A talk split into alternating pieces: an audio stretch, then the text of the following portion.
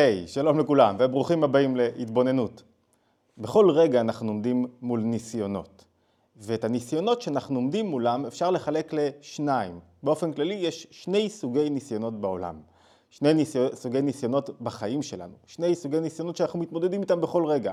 סוג אחד זה נקרא ניסיון, נקרא ניסיון של עושר, סוג שני נקרא ניסיון של עוני. מה הם בכלל ניסיונות? למה יש לנו את שני הסוגים הללו שהם שני הסוגים המרכזיים של ניסיונות שאנחנו עומדים איתם בחיים שלנו ולמה חשוב לדעת עם איזה סוג ניסיון אני מתמודד. בואו נתחיל. אומר הנביא ישעיה שלעתיד לבוא, והיה ביום ההוא יתקע בשופר גדול ובאו העובדים בארץ אשור והנידחים בארץ מצרים.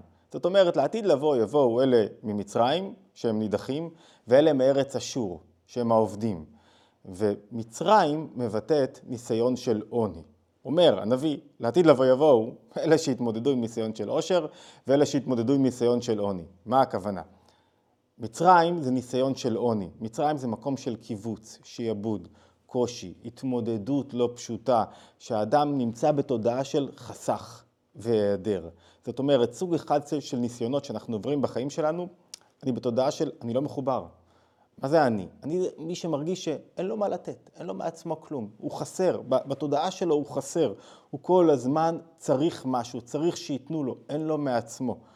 סוג אחד של ניסיון זה סוג של תודעת עוני, שאני כל הזמן, קשה לי, אני, אני לא מקבל את מה שאני צריך, אני מכווץ, אני משועבד.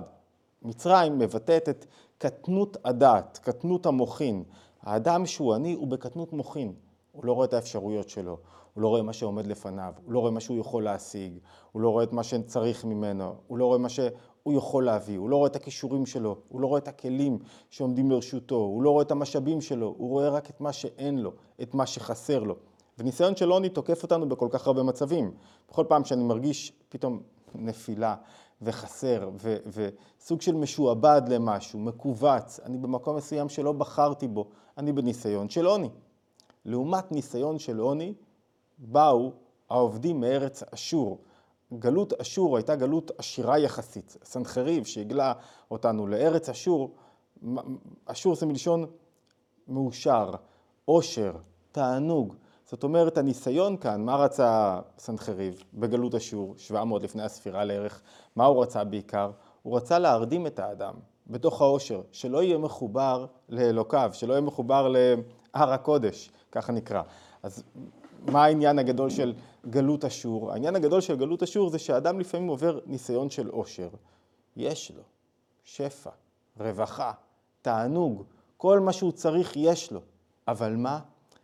הוא מרגיש שמגיע לו, זה הכל שלו, והכל ממנו, וזה מביא אותו לפעמים לידי התנשאות על אנשים אחרים, שהוא מרגיש שהוא טוב יותר. אני נוסע על אוטו חדש, על מה אתה נוסע? מי אתה בכלל? כאילו, כל פעם שאתם שומעים מישהו אומר למישהו אחר, מי אתה בכלל? עדות לניסיון של עושר. וכל פעם שאתם שומעים מישהו אומר, אבל מגיע לי, והוא קורבן, ניסיון של עוני. זאת אומרת, כל דפוס התנהגות לא רצוי, שלילי, אפשר לחלק אותו לאחד משני המובנים הללו. או ניסיון של עושר, או ניסיון של עוני. לפעמים הם באים לי באותו יום בגלגל ענק. פעם אני בניסיון של עוני, ופעם אני בניסיון של עושר. אז אמרנו שהנביא אומר, ככה על פי שיחה של הרבי מלובביץ', הנביא אומר שלעתיד לבוא יבואו ויתייצבו לפני, ישתחוו לפני הר הקודש, גם היום, מי שעומד בניסיון של עוני, שהוא יוצא מתודעת קורבנות, מתודעת קיבוץ, מתודעת עבודת פרך. עבודת פרך זה עבודה שנותנים לאדם משהו שהוא מרגיש שהוא לא משפיע בו, שהוא לא מביא את הערך שלו לעולם. לעומת זאת, ניסיון של עושר זה אדם שהוא אטום. מה הבעיה הגדולה בניסיון של עושר?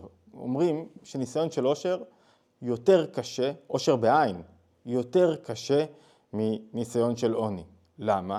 כי בניסיון של עושר נותנים לך כלים, משאבים, חיים, תענוג, נותנים לך, יש לך אפשרות, ואתה או שלא עושה עם זה משהו, לא משפיע, חושב מה, זה שלי, אני עשיר, אני הרווחתי, אני השגתי, שהוא הולך גם לעבוד, או שאתה לא משפיע, לא תורם לתיקון עולם, לא תורם לשינוי, לא מביא את הכוחות שלך, או שאתה עסוק בעצמך רק, ו- וחושב שעוד מגיע לי, ועוד מגיע לי, ועוד מגיע לי, ואז אתה נופל בניסיון של עושר. כי אם אחת השאלות שצריך לשאול, מי שרוצה לעשות כסף, רוצה להצליח, רוצה לגדול, אם יהיה לך כסף, מה תעשה איתו?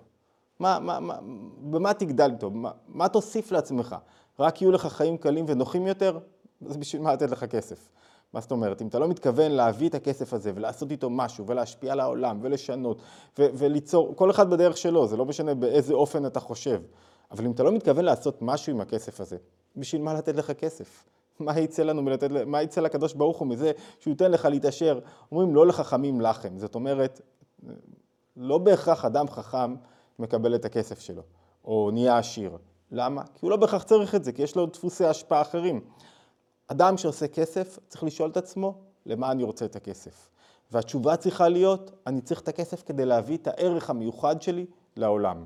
איך אני מביא את הערך שלי? את הערך שלי, את הערכים שלי, את הדברים שאני חושב שהם נכונים, שהביאו לתיקון עולם, לשיפור עולם, לגילוי האור שבעולם, לעשות את העולם למקום טוב יותר.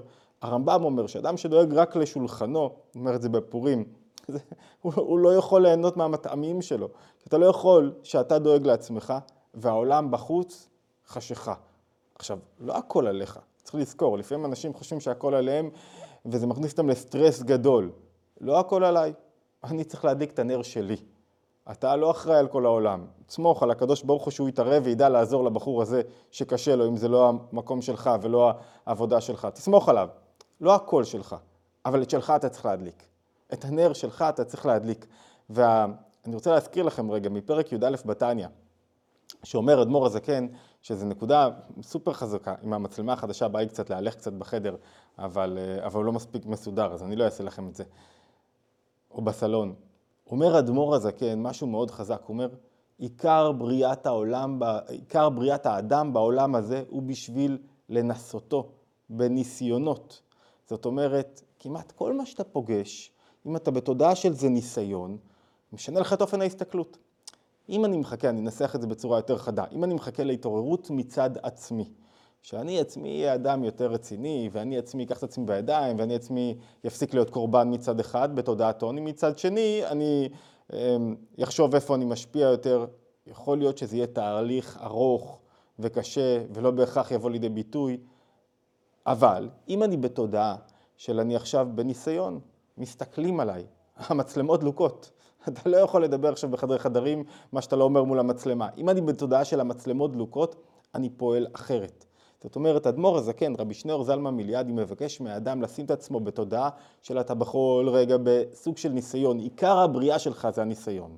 עכשיו, אם אתה עומד בניסיון, זאת אומרת, אם בניסיון של עוני אתה מפסיק להיות עני וקורבן ויודע למה אתה עובד ומפסיק להיות בתודעה של עבודת פרך, ומוצא את המשמעות ואת התענוג בעבודה שלך, ואם בניסיון של עושר אתה פתאום מגלה שאתה יכול להשפיע וצריכים אותך ויש לך כוחות ואתה חשוב ו- ו- ואתה מפסיק להיות בתודעה של כוחי ועוצם ידי ומפסיק לחשוב שהכל מגיע לך ואתה מפסיק להתנשא על אנשים אחרים ו- ולחשוב שאתה טוב יותר מהם בגלל שיש לך רכב חדש או בגלל שהצלחת בעבודה, להפך. קטונתי מכל החסדים, דווקא בגלל שהצלחת צריך להיות יותר קטן ממנו וללמוד ממנו. ואם אתה עומד בניסיון, אתה מגלה שהניסיון היה נס והרמה, רומם אותך לדרגה חדשה, הפך אותך לאדם טוב יותר, מוצלח יותר, בעל כוחות גדולים יותר, שעובד על עצמו יותר, אדם שמשיג יותר הישגים, שחי יותר את החיים, אבל בעיקר אדם שעושה את מה שהוא צריך לעשות. שאדם שהוא שליח של משהו יותר גדול ממנו, אדם שלא עסוק רק בעצמו, בקורבנות שלו, או במגיע לו, באושר שלו. אוקיי, התבוננות יומית, אתם מוזמנים להצטרף אלינו לערוץ, לקבוצות הוואטסאפ, שם אנחנו מעדכנים על הווידאו היומי, וכמובן ללימודי התבוננות. באתר התבוננות, יש לנו גם לימוד שבועי וגם מגוון של קורסים וסדנאות, שווה ממש משנה חיים, כי, כי מה שזה עושה זה מעביר את התכנים בצורה סדורה. רוב הפעמים אנשים שואלים אותי, רגע, שאלות בצורה סדורה, עכשיו אנחנו מלמדים את תורת הנפש כבר 15-17 שנה, ביוטיוב אני חושב שנתיים פלוס, באופן מאוד אינטנסיבי, וגם לפני כן באופן פחות אינטנסיבי, ו, וזה קשה כל פעם לחזור מההתחלה, ולכן יש סדר מאוד ברור של תוכניות שלוקחות אותנו מנקודה אחת לנקודה אחרת ועוזרות לנו להקיף את ה... להשלים חוסכים ו, ולהבין לעומק את מה שקורה לנו בתוך הנפש ואיך אנחנו מתמודדים. אוקיי, תודה לכולם, להשתמע בהתבוננות היומית הבאה.